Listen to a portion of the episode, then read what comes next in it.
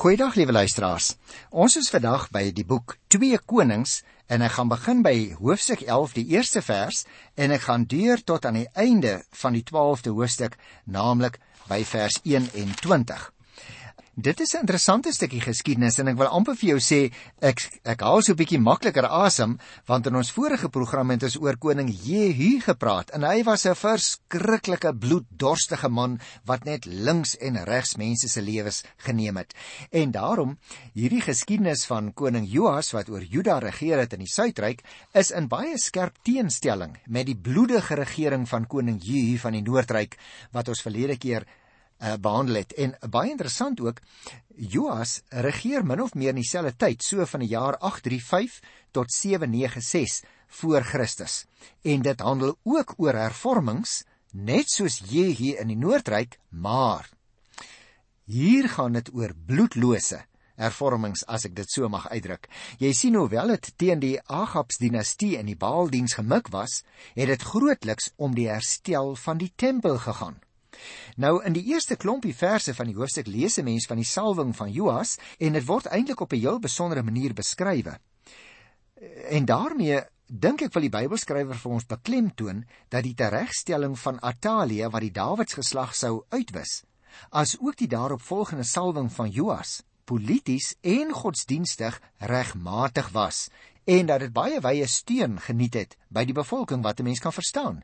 Dit was terselfdertyd gemik op die uitroeiing van die Agabs invloed in Juda en 'n poging om die Baal-kultus hok te slaan.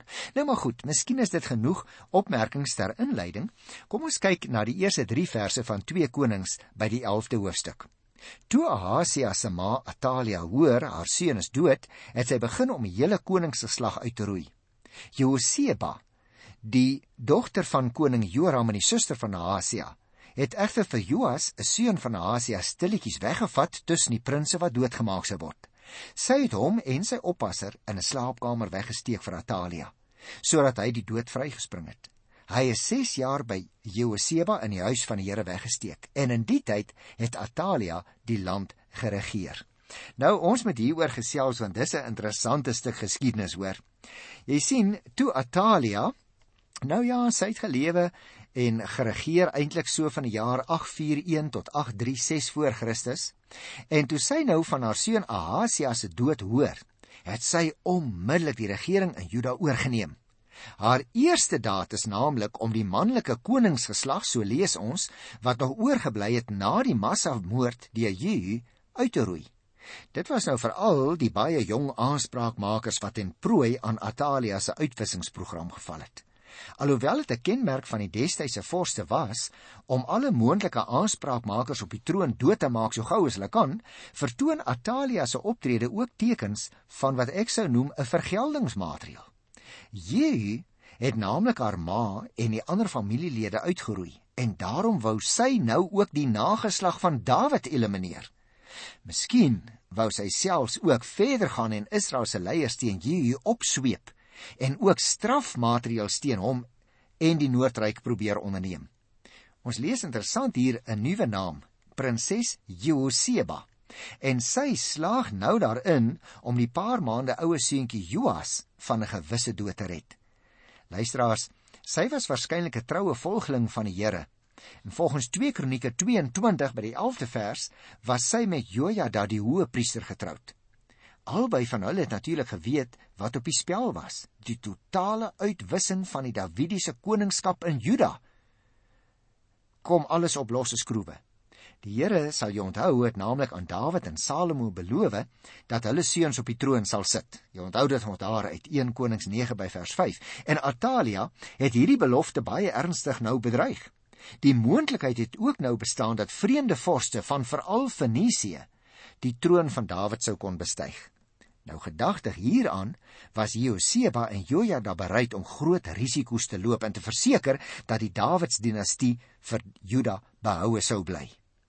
Joas was natuurlik 'n wettige aanspraakmaker op die troon van Dawid en ons lees hy is 6 jaar lank in die huis van die Here weggesteek. Dit kan nou daarop dui dat hy moontlik in 'n kamer in die tempel weggesteek is wat miskien nie dikwels besoek is nie of op die woonplek van Joeseba. So ons weet nie presies waar hy weggesteek is nie. Die punt is, hulle probeer sy lewe red met alle mag tot hulle beskikking. Nou hier van die 4de vers af kry ons ook 'n interessante stuk geskiedenis. Ek gaan 'n paar van die verse lees hier van vers 4 tot by vers 12 in 2 Konings 11. In die 7de jaar het die priester Jojada boodskappe gestuur na die Kariërs, se bevelhebbers oor 100 en ook aan die hardlopers en hulle na hom toe laat kom in die huis van die Here en daai het hy met hulle 'n verbond gesluit. Nadat hy hulle in die huis van die Here 'n eed laat aflê het, het hy hulle die koning se seun gewys. Nou ons het nou net gelees hoe dat die koning se seun weggesteek is. En hier kry ons nou iets anders, naamlik in die 7de jaar van Atalia se regering was die tyd ryp vir 'n paleisrevolusie. Ek dink nie ons kan dit anders noem nie, hoor. Dit is moeilik om die presiese gang van die gebeure te rekonstrueer as 'n mens hierdie verse verder lees. Sommige meen dat ons in hierdie hoofstuk 'n samevloeiing van twee oorleweringe het. Aan die een kant 'n staatsgreep onder die leiding van die priesters en die wagte, en aan die ander kant 'n staatsgreep wat die gevolg van 'n volksbeweging teen Atalia en die Baaldiens was. Nou hoe dit ook al sê, Al sou ons hierdie twee oorleweringe van mekaar sou probeer skei, bly die presiese gebeure steeds vir ons onduidelik. En daarom wil ek nie te veel daarop ingaan nie. Miskien moet ek die verhaal optel hier van die 13de vers af. Atalia het die uitroepe van die hardlopers en die volk gehoor en het ook na die huis van die Here toe gegaan waar die volk bymekaar was. Daar sien sy toe die koning op sy plek staan soos hy gebruik was met die volksleiers en die trompetblasers by hom en al die burgers van die land wat juig en trompette blaas. Toe skeur Atalia haar klere en sy skreeu: "Verraad! Verraad!" Die priester Jojada beveel toe die bevelvoerders oor 100 en in beheer van die manskappe en hulle sê: "Bring haar tussen julle uit en maak elkeen dood wat agter haar aankom." Nou hier kry ons nou regtig 'n soort van 'n paleisrevolusie wat in beweging kom nê. Want toe Atalia die geraas daar buitekant hoor, lees ons het sy na die tempel toe gegaan. En vir die eerste keer in die boek Koningsluisteraars word na die burgers van die land verwys. Ons het nog nooit van hulle gehoor nie. Ons het nog net almekaar gelees van die intriges in die koningshuise self. Nou, met verloop van tyd het dit verskillende betekenisse gehad. Die inheemse en die heidense bevolking of miskien die anti-Joodse bevolking. Hier dui dit egter lyk dit vir my op die plattelandse bevolking. Hulle was naamlik polities en godsdienstig baie konservatief en erg teen Atalia se bewind gekant omdat sy nie die Here gedien het nie. Toe Atalia nou besef wat aangaan, lees ons het sy haar klere uit wanhoop geskeur en verraad geskreeu. En toe is sy na die paleis toe gevat en daar het hulle haar doodgemaak. Ons lees van die Perepoort waar dit plaasvind dit nou luisteraars ek kan nie vir jou verduidelik waar dit is nie want as jy in die kommentaare gaan lees dan sal jy sien ons ons weet niks eintlik verder van die Perepoort nie. So kom ek laat dit nou maar daar. Nou dit bring ons nou hierso uh by die 12de hoofstuk in 2 konings. En ek dink ons moet daaroor met mekaar so bietjie meer indringend gesels. Ek gaan uh eers vir jou sê waaroor handel dit? Naamlik oor Joas se hervormings in Juda. En dit draai grootendeels, liewe luisteraars, om die tempel. En dit word ook as die belangrikste gebeurtenis van sy hele bewind beskou. Kom ek lees die eerste 3 verse. In die 7de regeringsjaar van Jehu het Joas koning geword. En hy het 40 jaar in Jerusalem geregeer. Sy ma was Sipja uit Berseba. Al die jare wat die priester Jojada sy leermeester was, het hy gedoen wat reg was in die oë van die Here. Hy het net nie die hoogtes verwyder nie. Die volk het voortgegaan om daar diereoffers en wierookoffers te bring. Nou luisteraars, Joas laat nou die tempel herstel in hierdie verse. So blyk dit. Die optrede van die koning lyk dit vir my kan toegeskryf word aan die invloed van die priester Jojada. En tog, tog het Joas self die inisiatief vir herstel van die tempel geneem. Sy eerste opdrag naamlik was om al die verskillende bronne van inkomste van die tempel vir die doel van die herstel van die tempel aan te wend. En luister nou na vers 4 en 5 waar die bouwerk of die herstelwerk eintlik aan die tempel nou begin. Joas het vir die priesters gesê: "Neem al die geld wat as gewyde offers na die Here se huis toe gebring word, die geld wat gekollekteer word, die waarvoor elkeen persoonlik aangeslaan word en die wat as vrywillige gawes na die huis van die Here toe gebring word. Die priesters moet die geld in ontvangs neem by die wat dit bring en die tempel daarmee herstel oral waar daar bouvallige plekke is. Het jy opgelet, liewe luisteraar? Soos koning Dawid en Salomo vroeër in die geskiedenis, het Joas ook 40 jaar geregeer. Aangesien Joas net 7 jaar oud was toe hy koning geword het, is Jojada as 'n mederegent aangestel. Dit was 'n algemene gebruik destyds. Nou vanweë die priester se invloed het Joas toe gedoen wat reg was in die oë van die Here. Na die dood van Jojada het Joas hom van verdere priesterlike invloed bevry en die gegoedes te gemoed gekom deur die aanbidding van die godin Astarte te duld. En dit was natuurlik nie so goed nie, né? Gevolglik het hy die seun van Jojada laat doodmaak omdat die sy optrede gekritiseer het.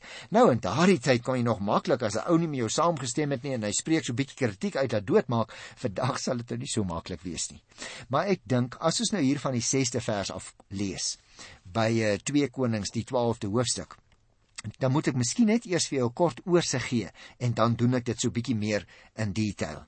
Jy sien, die eerste poging het misluk weens die laksheid van die priesters sodat die koning hulle moes regwys. En nou nou gaan ons lees dat daar toe 'n kus gemaak is waarin die gawes wat na die tempel toe gebring is bymekaar gemaak is. Nou luisteraars, dit was natuurlik nou nie muntstukke wat in die kus gegooi is nie, né, maar stukke goud en silwer en koper in verskillende vorms. Dit was in die openbare oog en later is dit deur betroubare persone getel en direk aan ewe betroubare ambagsmanne oorbetaal vir die werk en alle inkomste behalwe dit wat vir die onderhoud van die priesters bestem was is vir hierdie doel gebruik. Selfs die vervanging van die tempelgereedskap is tydelik opgeskort. Die vertelling wat ek nou nog gaan lees skets eintlik vir ons twee kontraste. En daarom wil ek vir jou daarvan vertel dan kan jy dit maklik raak sien. Nommer Die hervorming van Joas word hier duidelik geteken teenoor die hervorming van Jehu wat ons behandel het in die vorige program. Jehu se sal jy onthou was 'n groot bloedbad wat uiteindelik uitgeloop het op die beveiliging van sy eie posisie. Daarteenoor Joas se hervorming was bloedloos en dit was gerig op 'n godsdienstige doel wat hy wou bereik. Die gevolg was natuurlik dat Jehu deur latere geslagte vir die bloedbad veroordeel is, terwyl latere geslagte die herstel van die tempel as die belangrikste daad van Joas beskou het. Die tweede aspek wat ek wil uitwys wat as 'n kontras na vore kom is dit: Die optrede van die priesters word hier geskets teenoor die optrede van die koning. Die laksheid van diegene wat vir die werk van die Here op sy gesit is, steek dus baie skerp af teen die inisiatief wat die koning neem. En dit luisteraars, lyk vir my is die begin van die beperking van die mag van die priesters en die latere sentralisasie van die godsdienstbeoefening onder koning Josia. Hierdie twee kontraste toon dus vir ons waar die Bybel die klem laat val. Die ware diens aan God lê nog in geweld, nog in formele pligsuitvoeringe, maar die ware diens aan die Here luisteraar lê in die gesindheid waarin 'n mens vir die Here werk. Kom ons kyk na hierdie paar verse. Ek lees vers 6 tot by vers 8. In die 23ste regeringsjaar van die koning Joas het die priesters die bouvallige plekke in die tempel nog steeds nie herstel gehad nie. Toe het koning Joas vir Jojada en die ander priesters ingeroep en hulle gevra: "Waarom herstel julle nie die bouvallige plekke in die tempel nie? Julle moenie geld aanvaar van die wat dit bring as julle nie daarmee vir die herstel van die bouvallige plekke betaal nie." Die priesters het onderneem om nie langer geld vir die volk te aanvaar solank hulle nie die bouvallige plekke herstel nie. Jy moet opmerk, na baie jare is daar eintlik nog baie min, miskien selfs nog niks van die herstelwerk aan die tempel gedoen nie. Jojada word nou geroep om rekenskap te gee, want hy is een van die priesters.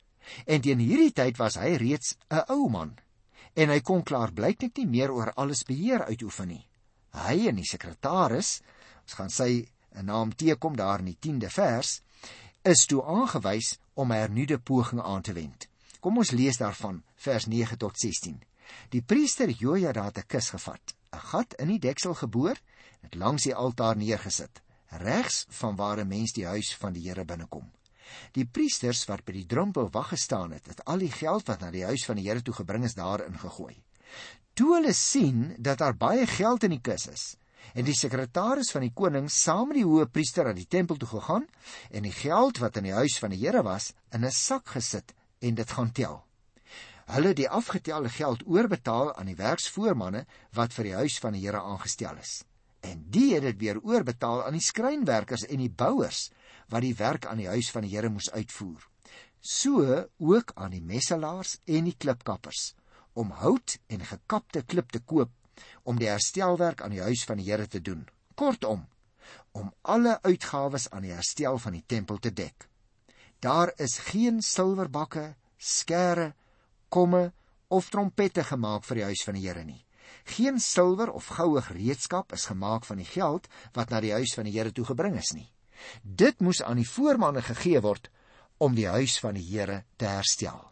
Hulle het nie die manne laat boekhou van die geld wat hulle aan hulle betaal het nie. Dit is aan die voormanne gegee wat die werk eerlik uitgevoer het. Die geld vir skuldoffers en sondeoffers is nie in die huis van die Here gebring nie. Dit was vir die priesters bestem. Nou wil ek dadelik sê, die van julle luisteraars wat miskien boekhouers is, ek dink julle hare staan seker nou regop. Skud julle koppe heen en weer en sê, "Liewe aarde, wat 'n soort van 'n treurige boekhoustelsel het ons hier." Maar nietemin in daardie tyd het dit so gewerk. Ons lees in hierdie verse wat ek nou net aangehaal het, hoe dat Jojada uh, kollektebus sal ons dit nou vandag noem. Hy laat so 'n kollektebus of 'n groot kus maak en hy sit dit neer langs die brandofferaltaar. Ons het gelees die priesters wat by die drempel diens gedoen het, het die geld gevat en in die kus gegooi. Gemunte geld, liewe luisteraar, is in daardie tyd natuurlik nog nie gebruik nie. Silwer is volgens bepaalde gewigte gegiet en dit het gedien as betaalmiddel. En die silwerringe is volgens hulle gewig in stringe geryg. Toe is dit in sakke verpak en het ons gelees en is dit aan die werksvoormanne oorbetaal. Die is weer oorbetaal aan die skrynwerkers en die bouers en die messelaars en die klipkappers. Jy sien, alle geld is slegs vir die herstelwerk en nie vir die tempel gery waarvan mens lees in vers 13 gebruik nie. Aangesien op die eerlikheid van die voormanne staat gemaak is, is van geen geld boekhou nie. Gelukkig, liewe luisteraars, het die priesters nie in die proses skade gely nie, want die geld vir skuldoffers en sondeoffers het na hulle toe gekom. Nou mettertyd wil ek net sê, is hierdie twee offers byna sinoniem geword in die geskiedenis. Kom ons kyk nou hier vers 17. Destyds het koning Gasaal van Aram na Gat toe opgeruk, dit aangeval en ingeneem. Hierna het hy na Jerusalem toe koers gekies om dit te gaan aanval. Nou miskien moet ek eers 'n uh, 'n paar opmerkingies maak en dan kyk ek verder na die detail van hierdie paar verse. Want dit gaan hier oor die kort invoeging hier in die hoofstuk wat handel oor die Arameërs wat teen Jerusalem opgetrek het. Ongeveer 15 jaar luisteraars na die herstel van die tempel het Gasaal, die koning van Aram, teen Jerusalem opgetrek. Hy was teen hierdie tyd natuurlik self hulle ou man, hè. En hy het waarskynlik nie self sy leer gelei nie. Hy was nie meer daartoe in staat nie.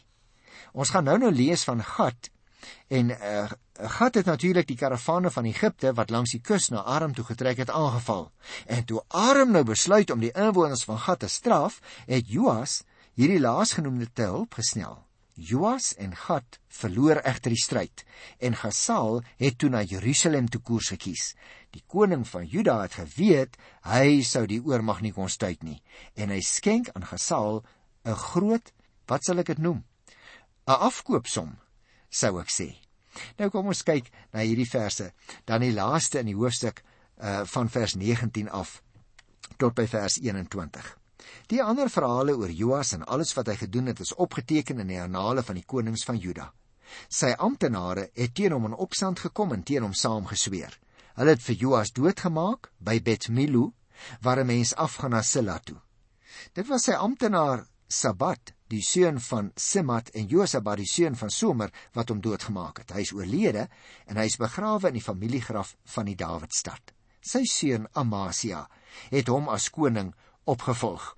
Nou luisteraars, ek dink ons lees hier 'n paar baie interessante feite want jy sien Joas se optrede na Jojada se dood, sy nederlaag by Gat en die groot afkoopsom aan Gasaal waaroor ons net nou gesels het, het hom natuurlik in diskrediet gebring by sowel die priesters wat hom aan die bewind help kom het as ook by die militêre leiers.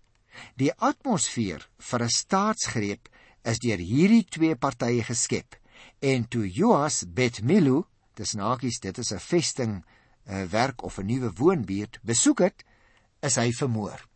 As ons dus nou kyk na hierdie geskiedenis, dan sê mense vir jouself, "Jo." Maar as daar nie moord en doodslag is nie, dan is daar 'n volksoploop en selfs 'n revolusie by tye. En tog, liewe luisteraars, lyk dit vir my kom daarmee juis een van die belangrike temas van die boek 2 Konings aan die orde.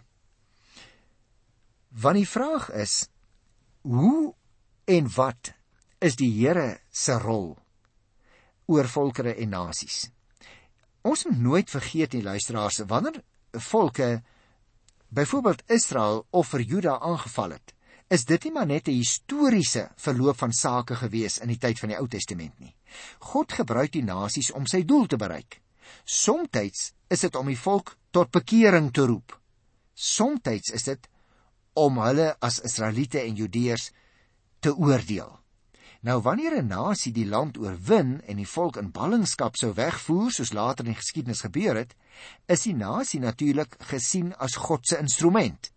Maar omdat die Here kan bepaal dat daar weggevoer word, daarom kan die Here sekerlik ook bepaal dat daar weer teruggekeer kan word na 'n land. So ons sien hierdie fasette alreeds vroeg in hierdie geskiedenis van die wisseling van konings wat kom en gaan op die troon. Ons moet onthou, liewe luisteraar, en daarmee wil ek graag afsluit. Die Here, ons God, staan nie verleë oor wat in die wêreld gebeur nie. Kyk maar so 'n bietjie rondom jou, dan hoor jy dikwels mense sê, "Maar waar is die Here dan?" Nou die Bybel leer vir ons dat die Here nie verleë staan oor wat in die wêreld gebeur nie, hoor. Die bewegings en die oorloë onder volkere staan almal in diens van God se doel met die wêreld diegene wat in die Here glo, hoef dan ook nie moedeloos en beangst te wees nie. Die wêreldgebeurtenisse luisteraars het nie uit God se mag losgeraak nie. Uiteindelik gebruik die Here die nasies en kan die Here ook dinge omkeer, maar op sy tyd en op sy manier. Die gelowige, dis nou jy en ek, word deurgangs te midde van bepaalde omstandighede geroep om net onvoorwaardelik op die Here en sy hantering van sake te vertrou. En daarom kan jy en ek rondom ons kyk en soms is dit so, skud ons ons koppe heen en weer in ongeloof oor alles wat ons aanskou. Wil ons soms saam met wêrelddinge ons hande in die lug gooi en sê maar hoe is dit moontlik dat al hierdie dinge kan gebeur? En tog, liewe luisteraars, is dit nie buite die beheer van die Here nie. As ek nou dink aan die geskiedenis van Oud-Israel, dan wil ek daarby dadelik byvoeg: hierdie dinge was in die tyd van die Ou Testament waarskuwings van 'n dreigende ballingskap. Jy sien, die ou verbondsvolk van God, né, as Nuwe Testamentiese gelowiges, is die Christene die nuwe verbondsvolk van God. Maar in die Ou Testament was dit Israel en hulle het tydig en ontydig die Here se waarskuwings en sy dreigemente en sy oordeelswoorde uit die monde van die profete verneem. Tog is dit nie altyd opgevolg met 'n hartgrondige omkering en 'n bekering tot God nie. Koning en volk was voortdurend onder die kritiek van die profete. En daarmee is ook van tyd tot tyd vir hulle gesê julle moet oppas julle kan selfs in ballingskap weggevoer word. En daarmee luisteraars is enige gedagte aan toeval of gebrek aan militêre opgewassenheid of swakheid by die Here voorkom dit was 'n oordeel van die Here met ander woorde dit wat in die land gebeur moet 'n mens voortdurend ook vir jouself afvra as gelowige wat wil die Here vir ons sê met die dinge wat elke dag in die land gebeur. Dink 'n bietjie daaroor. Bid daaroor. Soek riglyne in die Here se woord en as dit nodig is, bekeer jou tot God. Ek groet jou in sy wonderlike naam. Tot volgende keer. Totins?